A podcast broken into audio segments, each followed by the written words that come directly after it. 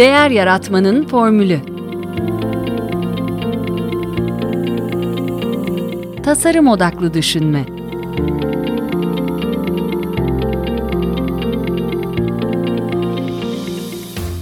Merhaba, ben Mete Yurtsever. Değer Yaratmanın Formülü Podcast'inin ev sahibiyim. Bugünkü konuğum sivil toplum lideri ve gençlik kolaylaştırıcısı Tuğba Çal.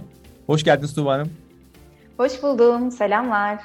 Ee, ben sizi e, dinleyicilerimize kısaca tanıtayım. 9 ee, Eylül e, Ekonometri bölümü mezunusunuz. Mezuniyet sonrası bir dönem e, Özyeğin Üniversitesi'nde e, öğreniminizle ilgili olarak veriyle çalıştınız. Sonra sivil toplum kuruluşları ile ilgili sayfa açılıyor hayatınızda. Şu an yöneticiliğini üstlendiğiniz Çelikel Vakfı, Eğitim Vakfı'nın bağlantılı olduğu ANEL grubunda yetenek yönetimi ve geçtiğimiz yılın başından beri de grubun kurumsal ilişkiler ve kurumsal sosyal sorumluluk komitesi üyesisiniz. Çok sayıda sivil toplum kuruluşunda gönüllülük faaliyetleriniz var. E, bunlardan e, biri de Köy Okulları Değişim Ağı, e, KODA Derneği. Onu da öğretmen ağı ile ilgili yaptığımız bölümde ben e, ona değinmiştik. E, öncelikle bu kadar e, işi e, yapmak için gücü e, kendinizde nasıl buluyorsunuz? Yoksa bunlar mı size güç veriyor? Öyle sorayım. Bu güç mü yoksa aslında kendinizi iyi hissettiğiniz alanlarda gerçekleştirmek mi, kendinizi tamamlamak mı? Belki de hani böyle yaklaşmak daha kapsayıcı ve daha e, karşılık bulan bir tanım olabilir benim için sanıyorum. Çünkü hakikaten kendimi gerçekleştirdiğime inanıyorum. Varlık sebebime e, aslında hizmet ettiğime çok inanıyorum ve bunlar bana hakikaten iyi geliyor. Benim iyi, iyi oluş halimi de destekliyor. O nedenle de aslında arzu ettiğim alanlarda katkı olabildiğim için e, kendi hikayemi destekleyen, kendi e, varoluş amacıma katkı sağlayan süreçler ve programlar, projeler olduğu için e, aslında e, herhangi bir güce ihtiyaç duymuyorum. Gücün kendisi sanırım bu tam olarak. Hmm, harika. E, peki e, biraz e, bugün hem e, bu e, sivil toplum e, faaliyetlerinden e, bahsedeceğiz hem e, yaratıcı dramadan konuşacağız. E, hem de points of view e, yönteminden bahsedeceğiz. E, ama isterseniz şeyle başlayalım. E, Koda'da ve Çelikel Eğitim Vakfı'ndaki faaliyetlerinizden Alev Topları çok güzel bir e, proje. Yani evet. hikayesi de çok güzel bir proje. Biraz ondan bahsedebilirsiniz belki. Hı hı. E, Çelikel Eğitim Vakfı'nda yaklaşık 8 yıl kadar önce e, çalışmaya başladım. Öncesinde bahsettiğiniz gibi Özyeğin Üniversitesi'ndeydim. Özyeğin Üniversitesi'nde çalışırken e, şunu gözlemliyordum kendime ilişkin. Gençlerle birebir temas halinde olduğum anlar bana çok keyif veriyordu. E, birebir temas ederek onlara katkı sunabilmek, onların seçim süreçlerine katkı olabilmek bana çok iyi geliyordu. E, ve dedim ki ya ben gençlerle daha iç içe olabildiğim, onların gelişimine daha çok katkı olabildiğim, onların yaşamla yapıcı ilişkiler geliştirebilmesine daha çok katkı olabildiğim bir alanda çalışmayı seçiyorum ve o süreçte bir arayışa çıktım. Çelik Eğitim Vakfı ile yolum böylelikle kesişti. Hedef kitlesi 15-24 yaş arası gençler. Yani tam da aradığım şeydi hakikaten. Tabii bir yandan da çok tedirgindim. Çünkü daha önce bir sivil toplum deneyimim yok. Ee, ve hani evet üniversite yıllarımda gönüllülük esasıyla katkı olduğum çeşitli oluşumlar olmuştu. Ancak burada profesyonel olarak varlık göstermek söz konusuydu ve aslında özel sektörde de faaliyet gösteren bir kuruluşun desteklediği bir eğitim vakfı. Özel sektörle de iç içe aslında tamamen bir sivil toplum örgütü diyebilmek de çok gerçekçi değil. E, ve Çelikeli Eğitim Vakfı'nda e, çalışmaya başladığım ilk günden bu yana aslında Önceliğimiz tabii ki de bu sivil toplum örgütünün e, süreçler bağlamında sürdürülebilirliğini sağlayabilmekti. Yani daha çok sistem ve süreç geliştirme odaklı çalışmalarda bulunabildim. Sonrasında aslında yürüttüğümüz eğitim, gençlik ve burs programlarının niteliğini daha çok nasıl artırabiliriz? Onları nasıl kapsayıcı yapabiliriz? Nasıl bağlantısal bütünlük perspektifinde değerlendirip birbirine entegre edebiliriz? E, çünkü programlara e, gençleri seçme ve yerleştirme süreçlerimizde yetkinlik bazı mülakatlar da söz konusu. E, yani aslında özel şirketlerin insan kaynakları süreçlerinin gençler bazında uyarlanmış versiyonlarını burada birebir yürütüyorduk. Tüm bunların yeniden e, niteliklerinin gözden geçirilmesi, değerlendirilmesi ve güçlendirilmesi, daha nitelikli hale getirilmesiyle uğraştım. Ve e, aslında e, burada uzun yıllar boyunca e, çok böyle küçük ekiplerle ilerleyebilmek profesyonel kadro anlamında A'dan Z'ye her türlü sürecin içerisinde varlık gösterebilmeme katkı sağladı. Bu bir taraftan yorucu bir şey.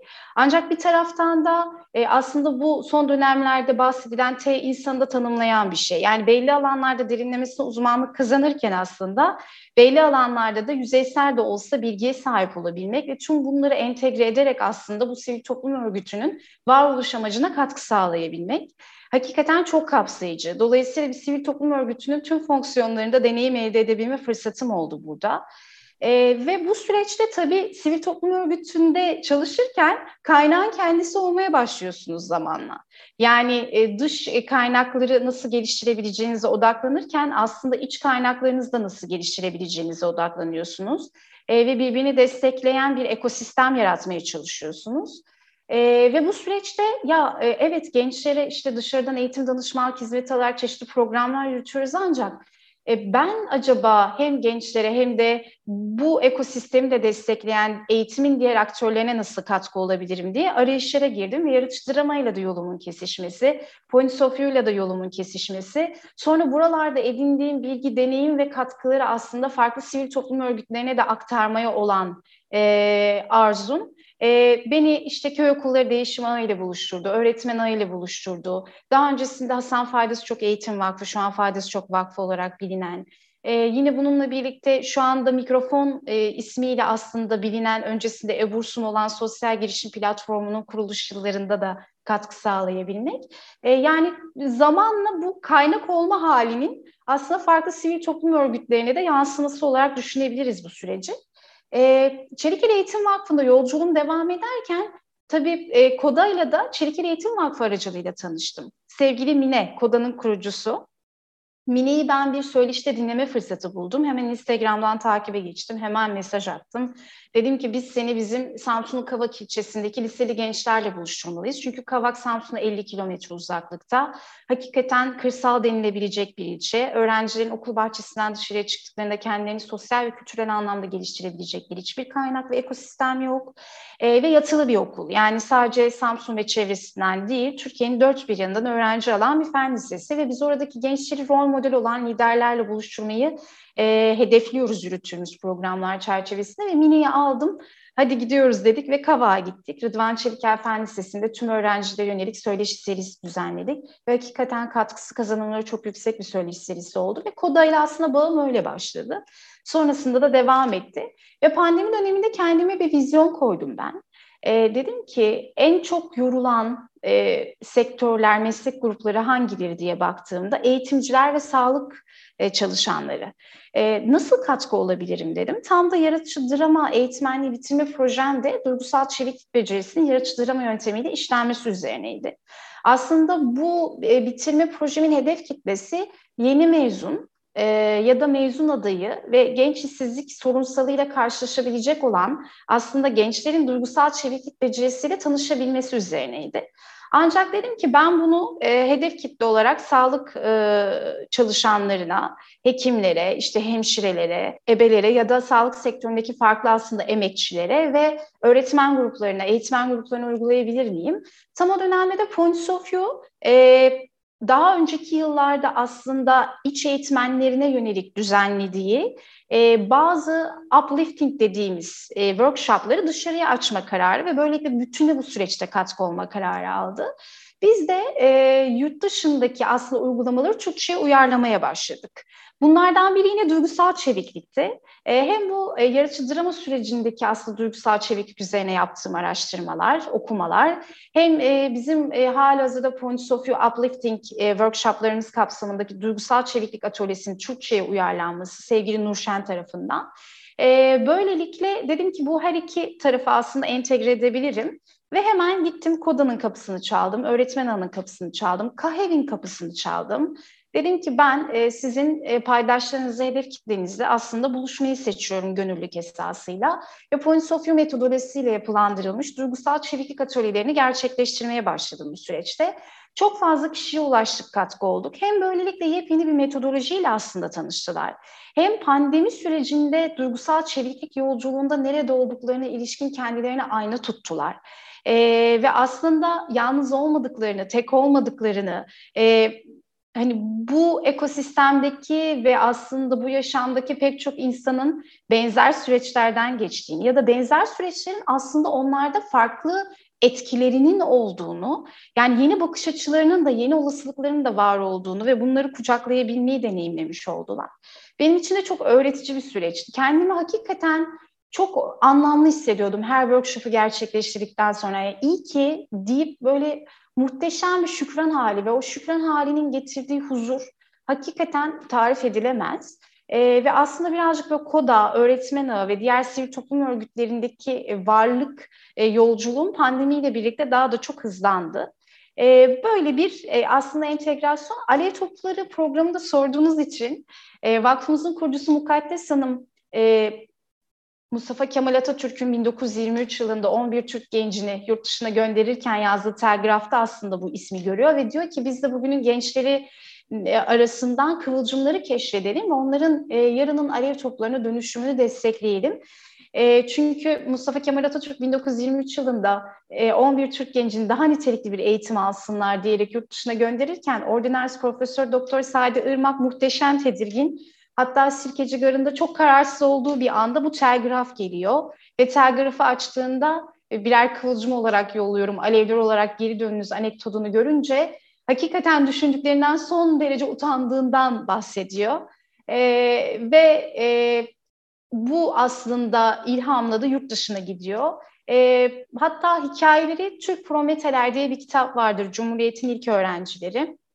Kansu Şarman'ın bir kitabıdır e, İş Bankası yayınlarından diye hatırlıyorum. Biz de mezunlarımıza her yıl bu kitabı hediye ederiz. E, Cumhuriyet'in ilk e, öğrencileri aslında asıl alev toplarının hikayelerini tanıklık edebilsinler diye böyle gelenekselleşen bir hediye kültürümüz var. E, her yıl e, ÖSYM'nin yerleştirme sonuçlarını açıklamasıyla çıktığımız bir çağrı. İhtiyaç sahibi ve başarılı gençler için. Ardından çeşitli envanterler, yetkinlik bazı mülakatlar uyguluyoruz. E, çünkü bize göre kıvılcım olmanın bir tanımı var. Bu tanım ile ilişkilendirdiğimiz kriterler ve bu kriterleri bizi götürebilecek yetkinlikler var. Bu gençlerin bu yetkinlikler bağlamında e, ne düzlemde ne aşamada olduklarını aslında gözlemlemeye ve anlamaya çalıştığımız yetkinlik bazı mülakatlar bunlar. E, artık mülakatlarda değerlendirme kurulumuzda mezun kıvılcımlarımız da var e, büyüyen bir ekosisteme dönüşmeye başladık. Ve programı aslında bu etkinlik bazı mülakatlar sonucunda kabul ettiğimiz belirli sayıda, hakikaten butik sayıda e, genç, yani çok butik ilerletiyoruz programı birebir takibi mümkün kılabilmek için. Gençleri programa kabul ediyoruz ve sonra onlara aslında e, sadece Bursa değil, e, her yıl belli temalar üzerinden yapılandırdığımız bir eğitim ve gelişim programımız var. E, eğitimler, kültürel etkinlikler, e, çeşitli işte dergi abonelikleri, her yıl kitap hediyeleri gibi çok yönlü aslında bir gelişim alanı yarattığımız bir ekosistemle destekliyoruz. Örneğin geçen hafta e, Amedios oyununa gittik hep birlikte. E, özellikle pandemi döneminde birlikte bu kültür sanat etkinliklerine katılmayı çok özlemiştik.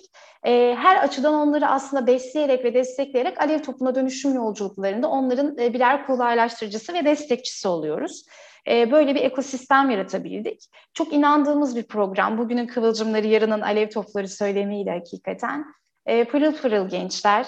Özellikle onların zorlu yaşam koşullarından gelmiş olmaları ve zorlu olarak tanımlanan bu yaşam koşulları karşısındaki duruşları e, bizim bireysel mülakatlar aşamasında çok odaklandığımız bir nokta oluyor. E, hakikaten her birinin çok e, derin hikayeleri var e, ve onlara katkı olmak, onların o sürecine tanıklık etmek, yani nereden nereye geldiklerini görmek. Ha tabii ki de her e, katkı alanında bizim bir katkımız var mıdır? Hani o da bir soru işareti ancak insan orada kendisiyle bir bağlantı kurabildiğine mutlu oluyor. E, bu şekilde alınıyorum diyebilirim. Yani alınıyorum derken hani alıntı olarak nitelendirilirse evet ama hakikaten onların o gelişim yolculuğunda bir eşlikçi olmak, bir öğrenme yoldaşı olmak e, muhteşem bir motivasyon kaynağı bizim için. Özellikle benim için öyle. E, sanki kendimi gerçekleştiriyorum. Hani kendi ben de bir gencim elbette ancak hani o lise ve üniversite yıllarında belki yapmayı seçtiğim ancak yapamadığım e, noktalarda e, onlara ayna tutabilmek çok keyifli. Alev Topları programında bu şekilde devam eden ve desteklediğimiz projelerden biri Çelik Eğitim Vakfı olarak.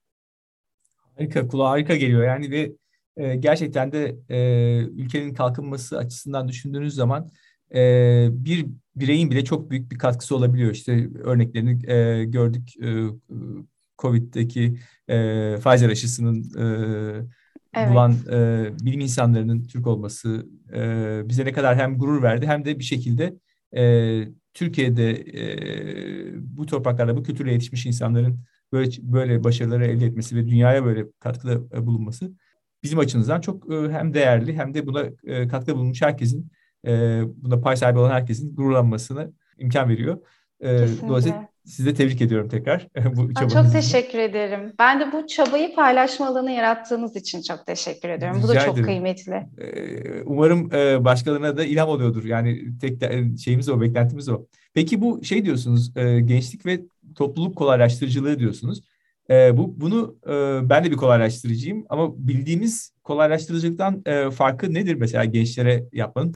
gençler için gençlerle birlikte aslında yol alabilmek. Yani burada bu sivil toplum örgütünün bir mütevelli heyeti var, bir yönetim kurulu var e, ve bu mekanizmaları oldukça işlevsel ve sonuç olarak aslında kaynaklarını ayıran mekanizmalar da bu mekanizmalar başlıca baktığımızda. Ancak gençler için burada e, bazı modeller ya da uygulamalar geliştirilirken ya da halihazırda yürütülen programların niteliği geliştirilmeyi e, geliştirilmesi hedeflenirken e, burada hani tek bir bakış açısıyla değil. Yani ben bağış verenim, yani bağışçısıyım, burs verenim gibi bir bakış açısıyla değil, daha kolektif, kolektif bilinci inanan, ortak akla inanan, işbirliğine açık bir yaklaşımla aslında gençler için olan bu uygulamaları geliştirebilmek noktasında o aracı olan kişi, e, araştıran, sorgulayan, gençleri bir araya getiren, e, onlardan işte çeşitli komiteler ve yapılar oluşturabilen, sonra onların aslında bu süreçlere uyumlanabilmesi konusunda her türlü hani mentorluğu ve katkı sunabilen rolde olduğum için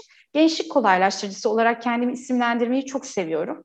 E, hayatlarıyla ilgili herhangi bir konuyla da alakalı bana gelebiliyorlar. Bu Çelikeli Eğitim Vakfı'ndaki aslında vakıf yöneticisi kimliğinin çok daha ötesinde. Burada yarattığımız bir ekosistemle ilgili, bir kültürle ilgili bu. E, yani bireysel yaşamlarında da tıkandıkları ya da aşamadıkları noktalarda mentorluk ya da danışmanlık almak istedikleri hususlar da olabiliyor ve ben bunu Çelikeli Eğitim Vakfı'ndaki kimliğimle yapmıyorum aslında bana hitap ettikleri Tuğba abla kimliğiyle yapıyorum. Öyle söyleyebilirim.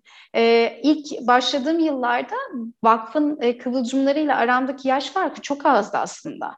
Yani iki ya da üç yaştı. Ee, ve hani e, onlar da bana Tuğba abla diyordu. e, buradaki Tuğba ablanın aslında altını doldurduğu şey şu.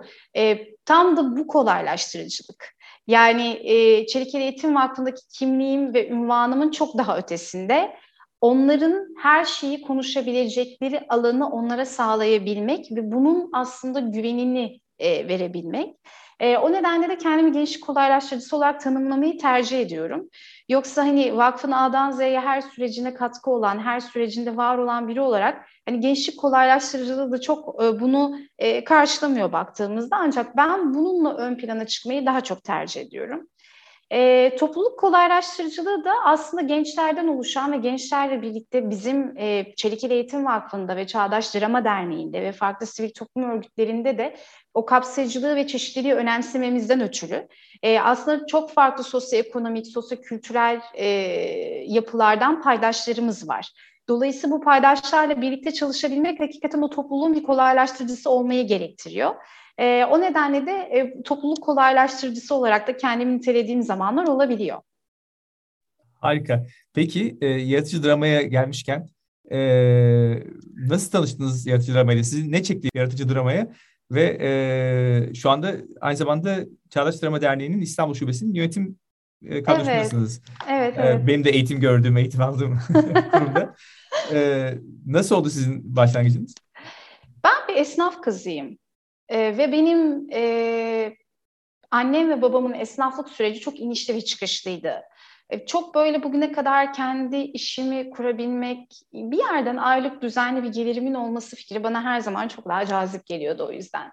Çünkü anne ve babamın dönemi işte memurların aslında çok daha refah günler yaşadığı dönemler olarak bilinir. E, bu hani bakış açısıyla da baktığımızda çok daha zorlayıcı ekonomik koşullardan geldiğim için böyle kendi işimi kurabilmek, kendi işimi kurduktan sonra o işten aslında bir gelir yaratabilmek bana böyle çok korkutucu ve ürkütücü geliyordu. Ve böyle hayatta kalmakla ilgili hep böyle büyük korkularım vardı. Yani e, Çelikeli Eğitim Vakfı olmazsa, Özyeğin Üniversitesi olmazsa ikinci bir mesleğim olsun, ikinci bir işim olsun ki oradan da gelir yaratabileyim. Ya da İstanbul'dan ayrıldığımda, daha küçük bir şehre yerleştiğimde yapabileceğim bir şeyler olabilsin bakış açısıyla her zaman böyle e, farklı aslında uzmanlık alanlarına, mesleklere ilgi duydum. Ancak yaratıcı drama ile tanışmam yine Çelikeli Eğitim Vakfı vesilesiyle oldu. Ee, Samsun'un Kavak ilçesindeki Rıdvan Çeliker Fen Lisesi'nde yürüttüğümüz Eğitimde Geniş Açı programı kapsamında o yıllarda biz bir danışmanlık alıyorduk ve danışmanlık aldığımız kurum e, daha çok yaratıcı drama yöntemiyle yapılandırılmış atölyeleri tercih ediyordu. E, o zaman ben yaparak, yaşayarak, deneyimleyerek öğrenme, muş gibi yapmak, kendiliğindenlik gibi kavramlarla tanışma fırsatı buldum. Ve sonra atölyelerin değerlendirmelerine ve çıktılarına baktığımızda e, kazanımlara ne kadar çok yaklaştığımızı gözlemleyebilme fırsatım oluyordu. Dedim ki ya bu etkileyici bir yöntem ve işin içinde doğaçlama var. Yani kişinin kendini gerçekleştirdiği de bir alan. Acaba dedim hani ben e, yaratıcı dramaya dair bir şeyler öğrenebilir miyim? Ve araştırmaya başladım. Yaratıcı dramanın aslında Türkiye tarihçesine baktım. E, dedim ki bu konuda otorite e, kurumlar aslında kimler derken tabii ki de Yolun Çağdaş Drama Derneği ile kesişti. E, çünkü yaratıcı dramayı hakikaten Türkiye'ye getiren kuruluş Çağdaş Drama Derneği ve kurucularımız da zaten e, İnci Hoca ve Tamer Hocamız. E, ve o vesileyle Çağdaş Drama Derneği İstanbul Şubesi'nin kapısını çaldım. Başlangıçta niyetim ben ilk üç aşamayı alayım, dramaya dair teknikleri öğreneyim, bana ilk üç aşama yeter şeklindeydi. Yalnız e, bir de ben hep uzun aşama aldım. Hani belki dinleyicilerimiz için de katkı olur. Bazı hızlandırılmış aşamalar oluyor. Böyle bir hafta, iki hafta blok şeklinde sabah akşam dramayla donandığınız. E, benim gibi tam zamanlı çalışan beyaz yakalı insanlar için de e, aslında hani daha bir döneme yayılan, bir bahar dönemine, bir güz dönemine yayılan uzun aşama dediğimiz programlar oluyor. Ben uzun aşamayı seçtim her zaman ki daha rahat aslında zaman ayırabileyim diye. Baktığımızda üç yılımı vermişim bunun için. Yani hiç ara vermeden aşamaları devam ettim, proje vesaire. E, bir yüksek lisans programı gibi adeta aslında. E, ve 300 saat ilk, zaten yani sırf programın kendisi 300 saat evet. E, aynen öyle. E, ve hani üçüncü aşamaya geldiğimde dedim ki ya şeyi fark ettim ben Mete Bey. Kabım genişliyor, kabulüm artıyor. Yani o dönem işte mindfulness ile ilgili araştırmalar yapıyordum, çeşitli atölyelere katılıyordum. Anda kalmayı yaratıcı dramayla da deneyimliyorsunuz aslında.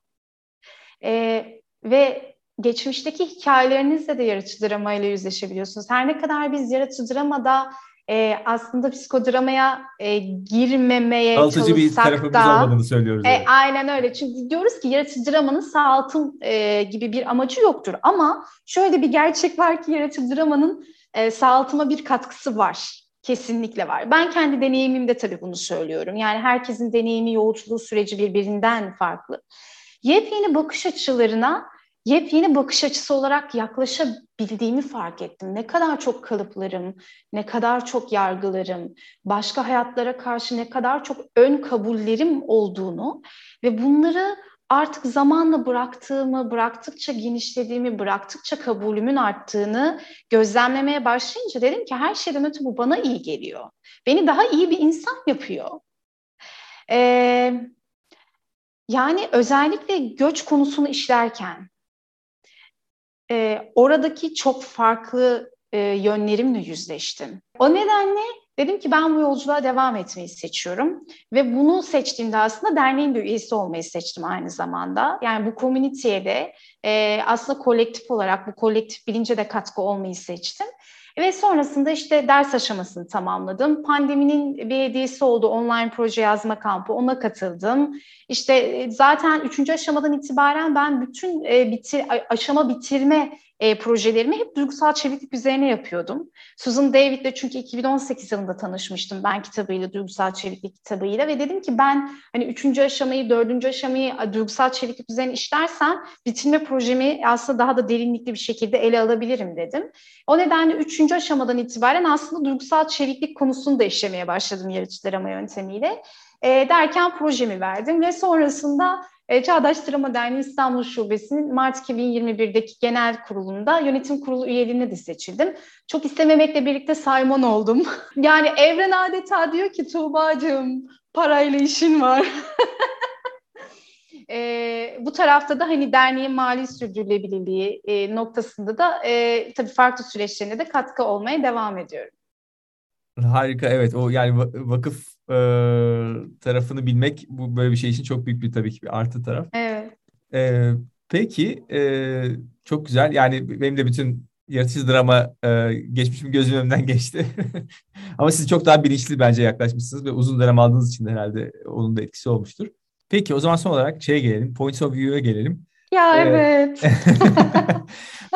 biraz nasıl, nereden çıkmış, nasıl bulunmuş? E, oraları biraz geçelim ama esas nasıl uygulandığı tarafında da evet. e, yani ben de hayal ediyorum yaratıcı dramaya da çok büyük bir şey içerisinde bir projektif teknik olarak hani yani çocuklara da gençlere de herkese uygun olabilecek bir e, bir e, şey e, yöntem bir e, araçmış gibi görünüyor. Biraz Hı-hı. bahsederseniz. Ee, sevgili Efrat ve Yaron e, aslında Points of View'nun kurucuları. Points of View'dan geliyor, çoklu bakış açısı. Ee, oradan ismini alan bir marka. Ee, biri psikolog, biri fototerapist bir koçluk okulunda tanışıyorlar aslında. Ve o koçluk okulunda tanışmalarıyla birlikte Points of View ve e, ardından da Points of View markası e, oluşuyor.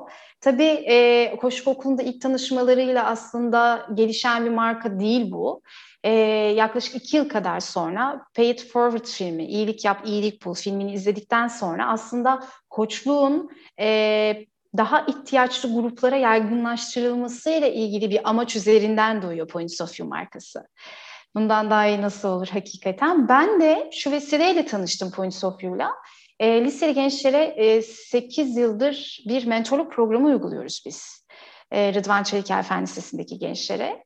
E, ve bu gençlere yönelik uyguladığımız e, yönderlik programı uygulaması kapsamında bir e, yönlen eğitimi, menti öğrencilere yönlen diyoruz.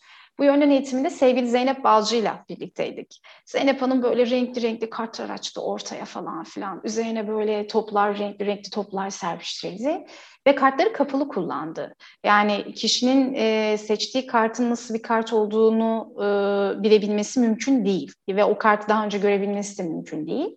Ve şeyi gördüm, gözlemledim. Bu kartlarla muazzam e, açılımlar sağlıyorduk liseli gençlerde. Yepyeni bakış açıları, yepyeni farkındalıklar. O karta ben baktığımda o kartı yüklediğim anlam e, ancak o genç o karta baktığın, baktığında o kart yüklediği anlam birbirinden o kadar farklıydı ki sadece onların yaşadığı bir açılım yoktu orada. Benim de yaşadığım çok büyük açılımlar oldu. E, o gençler ve o kartlar sayesinde ve Zeynep Hanım'a dedim ki Zeynep Hanım ben bu kartları edinmek istiyorum. Nasıl edinebilirim? Dedi ki bu kartları edinebilirsin, sorun değil, kolaylıkla alabilirsin. Ancak metodolojiyi bilmeden bu kartları farklı hedef kitlelere, e, farklı kazanımlar için nasıl uyarlayabileceğine dair aslında herhangi bir fikrin olmayacak. Derken ben 2017 Aralık diye hatırlıyorum Point Sofia ile tanıştım ve uygulayıcı eğitimi aldım. O dönem bir akademi yapılanmamız yoktu.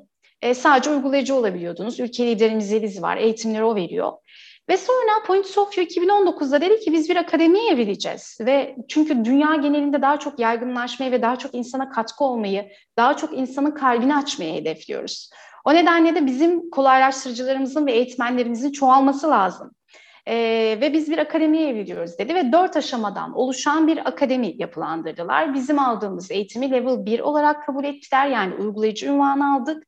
Ee, ve dedi ki e, biz Türkiye'deki ilk level 2 grubunu açıyoruz. Böylelikle siz bu level 2'yi aldığınızda aslında level 1 eğitimlerini de vermeye lisansınız olacak Türkiye'de. E, böyle olunca ben level 2 eğitimini de 2019 Temmuz ayında almaya niyet ettim. Ve hatta benim o dönem param yoktu. yani e, eğitim hakikaten maliyetli gelmişti benim için. Dedim ki nasıl para yaparım? Ben bu eğitime katılmayı seçiyorum e, acaba nasıl katılırım, beni kimler destekler diye ben böyle sormaya başlarken bireysel bir fonlama hareketi oluşturdum kendi çevremde. Dedim ki arkadaşlarım, canlarım ben bu eğitime katılacağım ancak benim elimdeki para bu, beni destekler misiniz? O kadar güzel insanlar biriktirmişim ki hayatımda. Herkes 50-100 koydu ve ben aslında o insanların destekleriyle birlikte bu fonu yarattım ve Level 2 eğitimine katıldım. E, ve hemen ardından aslında Level 2'ye ilişkin yükümlülüklerimi tamamlayarak da Türkiye'nin ilk practitioner oldum. E, ve aslında daha çok e, gönüllülük esasıyla Points of View metodolojisi üzerine yapılandırılmış atölyeler gerçekleştirme fırsatım oldu. E, ve sonrasında da zaten pandemi geldi çattı. E, pandemide de aslında dijital ortamda biz bu level 1 eğitimlerini nasıl verebiliriz derken e, Points of View fototerapi ve koçluk temeline dayanan bir metodoloji üzerine geliştirilmiş. Dolayısıyla fotoğrafların ve aslında bununla birlikte soruların ve kelimelerin gücünü de kullanıyor. Fototerapik kartlar olduğu için aslında e, kişinin açılımını muhteşem kolaylıkla sağlayabilen bir metodolojiye de sahip bununla birlikte. Şimdi şöyle düşünün, evrende sonsuz olasılıklar var ve biz aslında bulunduğumuz alandan sadece belli başlı olasılıkları görme fırsatına sahibiz. Ne zaman ki bu alanda bir değişiklik yapıyoruz, farklı bir alana geçiş yapıyoruz ya da farklı bir alandan aslında bulunduğumuz noktaya bakıyoruz, yepyeni olasılıkları keşfediyoruz. Ancak bununla ilgili bir harekete ihtiyacımız var. Yani bulunduğumuz yerden yeni olasılıkları keşfedebilmemiz, fark edebilmemiz ve bu yeni olasılıkları alıp kabul edebilmemiz çok mümkün değil. Çünkü bulunduğumuz yerden belli başlı olasılıkları görüyoruz ve diğer olasılıkları görmekle de ilgili bir direnç gösteriyoruz. Tam da bu noktada Point Sofia bize bu hareket alanını sağlıyor. Yeni olasılıkları ve yeni bakış açılarını aslında keşfedip bunlarla derinleşebilmeyi e, ve bunlarla genişleyebilmeyi sağlıyor. Ve e, kışkırtıcı bir tarafı da var. O güne kadar belki itiraf edemediğimiz gerçeklerin de gün yüzüne çıkmasını da teşvik ediyor. Dolayısıyla aslında Point Sofia metodolojisini rahatlıkla uzmanlık alanınız her ne olursa olsun, iletişim alanında çalışma, e, iletişim alanında çalışmalar yapan bir eğitmen de olabilirsiniz. E, müzakere teknikleri üzerine çalışan bir uzman da olabilirsiniz. Ya da e, takım çalışması ile ilgili derdi meselesi olan bir eğitmen de olabilirsiniz. Her ne olursa olsun uzmanlık alanınız ve çalışma konularınız aslında View metodolojisi üzerinden yapılandırdığınız atölyelerle ya da danışmanlıklarla danışanınıza, hedef kitlenize paydaşlarınıza çok daha yaratıcı, çok daha genişlik e, sağlayan e, bir katkı ve çıktı yaratabilmeniz mümkün oluyor. Siz yapmıyorsunuz bunu. Bu noktada biz tamamen kolaylaştırıcıyız. Biz sadece alanı yaratıyoruz ve Points of View metodolojisi zaten işi görüyor. Yani e, şey diyorlar, wow işte e, muazzamdı. Ya bu kart bana bilerek mi geldi? Hayır öyle bir şey yok aslında. Fototerapik olduğu için e, aslında kişi zaten e, bilinç altında sakladığı bazı şeyleri bilince çıkarabilme ve onu o ekosistemdeki kişilerle ve paydaşlarla paylaşabilme fırsatı yakalıyor. E, ve o gerçeklikle yüzleşmesi de wow bu kadar tesadüf olamaz. Ya bu tesadüf değil kesinlikle bu kart benim için saklandı gibi aslında e, çıktılar almamıza da neden olabiliyor. E, tabii özellikle hani koçluk camiasındaki profesyonellerin tanıdığı, bildiği bir yöntem ancak ekosistemimizde branş öğretmenleri, PDR uzmanları, sınıf öğretmenleri, pek çok aslında uzman var. E, terapistler, psikologlar, dolayısıyla herkes kendi alanını kolaylıkla uygulayabiliyor. Ben örneğin e, kıvılcımlarımızın e, akademik başarı ile ilgili sorun yaşayan kıvılcımlarımızla yıl sonunda birebir değerlendirme görüşmeleri yaparız biz. E, bu karşılıklı bir görüşme yöntemine dayalıdır. Yani nedir, nasıl gidiyor, ne oluyor, hayatında ne olup bitiyor, bizim katkı sağlayabileceğimiz bir alan var mı diye. Çünkü hani program kapsamındaki devamlı koşullarından biri de bir akademik başarı. E, ve bir dönem şeye niyet ettim. Evet ortada bir akademik başarısızlık var ama bu akademik başarısızlığın altında yatan kök neden ne? Kişi bunu fark etmedikçe e, akademik başarısında olumluya giden bir ivme söz konusu olamaz. Hani bu gerçekçi olmayacak. O nedenle Points of View'nun Punctum ismini verdiğimiz oyunu üzerinden yapılandırdığım bir seans yaptım her birine. Ve kök nedenler ortaya çıktı. Kök nedenler ortaya çıktığında alınacak aksiyon planı netleşti. Aksiyon planı netleştiğinde aslında bu gençlerin bir dönem içinde akademik başarılarının ne kadar yükseldiğini gözlemledik. Muazzam. Muazzam bir şey. Yani e, tüm koçluk, mentorluk, yönderlik, kolaylaştırıcılık süreçlerinizde ya da bir eğitmen olarak aslında hedef kitleniz her kim olursa olsun e, kazanımlarınıza göre Point Sofya metodolojisinden destek alarak e, kazanımlarınıza ve katkı olmak istediğiniz alanlara size kolaylar, e, kolaylıkla ulaştırabilen bir metodoloji hakikaten. Deneyimledikçe genişlediğiniz bir alan. E, yaratıcı dramada da olduğu gibi. Yani her ne kadar biz o eğitmenlik sürecini tamamlasa, tamamlasak da yaratıcı drama metodolojisiyle yapılandırılmış atölye deneyimlerine sahip oldukça, yeni atölyeler deneyimledikçe, yeni atölyelerin katılımcısı oldukça genişleyebiliyoruz. E, o nedenle ben Point Sofya'yı e, çok farklı hedef kitlelerini uygulayabilme fırsatı bulmuş biri olarak e, Şile'nin Ovacık Köyü vardır. Orada bir Ovacık Derneği var. Ovacık Derneği'nin kadınlarını uyguladım ben. E, orada erişte e, atölyeleri yapan, ata tohumundan tarım yapan kadınlarla bir araya geldik. E, ve aslında o derneğin sadece onları ekonomik açıdan kalkındıran bir dernek olmasının ötesinde sosyal olarak kendilerini gerçekleştirebildikleri bir alan oldukları alan olduğunu keşfedebilmelerine katkı sağlayan bir atölye gerçekleştirdik biz. Ve e, o, o feraceli, örtülü kadın grubumuzda da muhteşem kazanımlarla ayrıldık. Hatta öyle etkisi olan bir e, atölye oldu ki Ponisofya Global dahi bu atölyeyi paylaştı. Ardından Ponisofya Çin, Point Sofya'nın farklı e, ülkelerdeki temsilcileri de paylaştı. Çünkü o fotoğraf tam da o kadınlarımızın elinde tuttuğu o The Coaching Game kartları hakikaten Point Sofya metodolojisinin ve araçlarının ne kadar kapsayıcı olduğunu gösteren bir e, andı, kareydi hakikaten. Her hedef kitlede, her grupta hakikaten işliyor kartlar. E, bunu hani mühendis gruplarından mavi yakalı teknisyen ve teknikerlere, liseli gençlerden üniversiteli gençlere hem birebir seanslarda hem de gruplara yönelik atölyelerde deneyimlemiş biri olarak e, çok keyifle söylüyorum ve paylaşıyorum. E, size de birey olarak da aslında muhteşem açılımlar yaratan bir kart. Peki, o zaman e, bitirmeden önce e, değer artmanın formülünü soracağım. E, ya evet. Daha sonra Tuğba için. Ben yaklaşık 3-4 yıl kadar önce cenazemi düşündüm. Dedim ki nasıl bir cenaze olsun? Cevap kalabalık e, geldi. Sonra Zeynep Hanım'a döndüğümü sordum. Zeynep Hanım'ın bireysel hayatta da benim çok sık görüştüğüm, mentorluk desteği aldığım e, profesyonel bir koç. E, hakikaten bana katkıları çok büyüktür. Dedim ki bu ego mu? Egodan mı geliyor bu? Yani nedir bu cenazenin kalabalık olma istekliliği yani? Hayır dedi bu senin yaşam amacın. Öyle e, olunca bir aydınlanma hissettim. Sonra sorular sormaya devam ettim ve bu soruların cevapları zamanla geldi bana. Yani o anda cevaplamadım.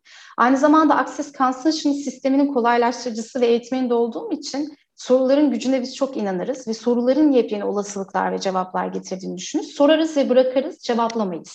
Zamanla onlar algımıza gelir aslında. Nasıl bir kalabalık olsun? İnsanlar benimle ilgili ne konuşsunlar, ne desinler? Ee, o zaman o soruyu sordum. Ee, sonra bana cevaplar gelmeye başladı. Tuğba abla da bana şunu kattı. Tuğba vesilesiyle de şunu öğrendim.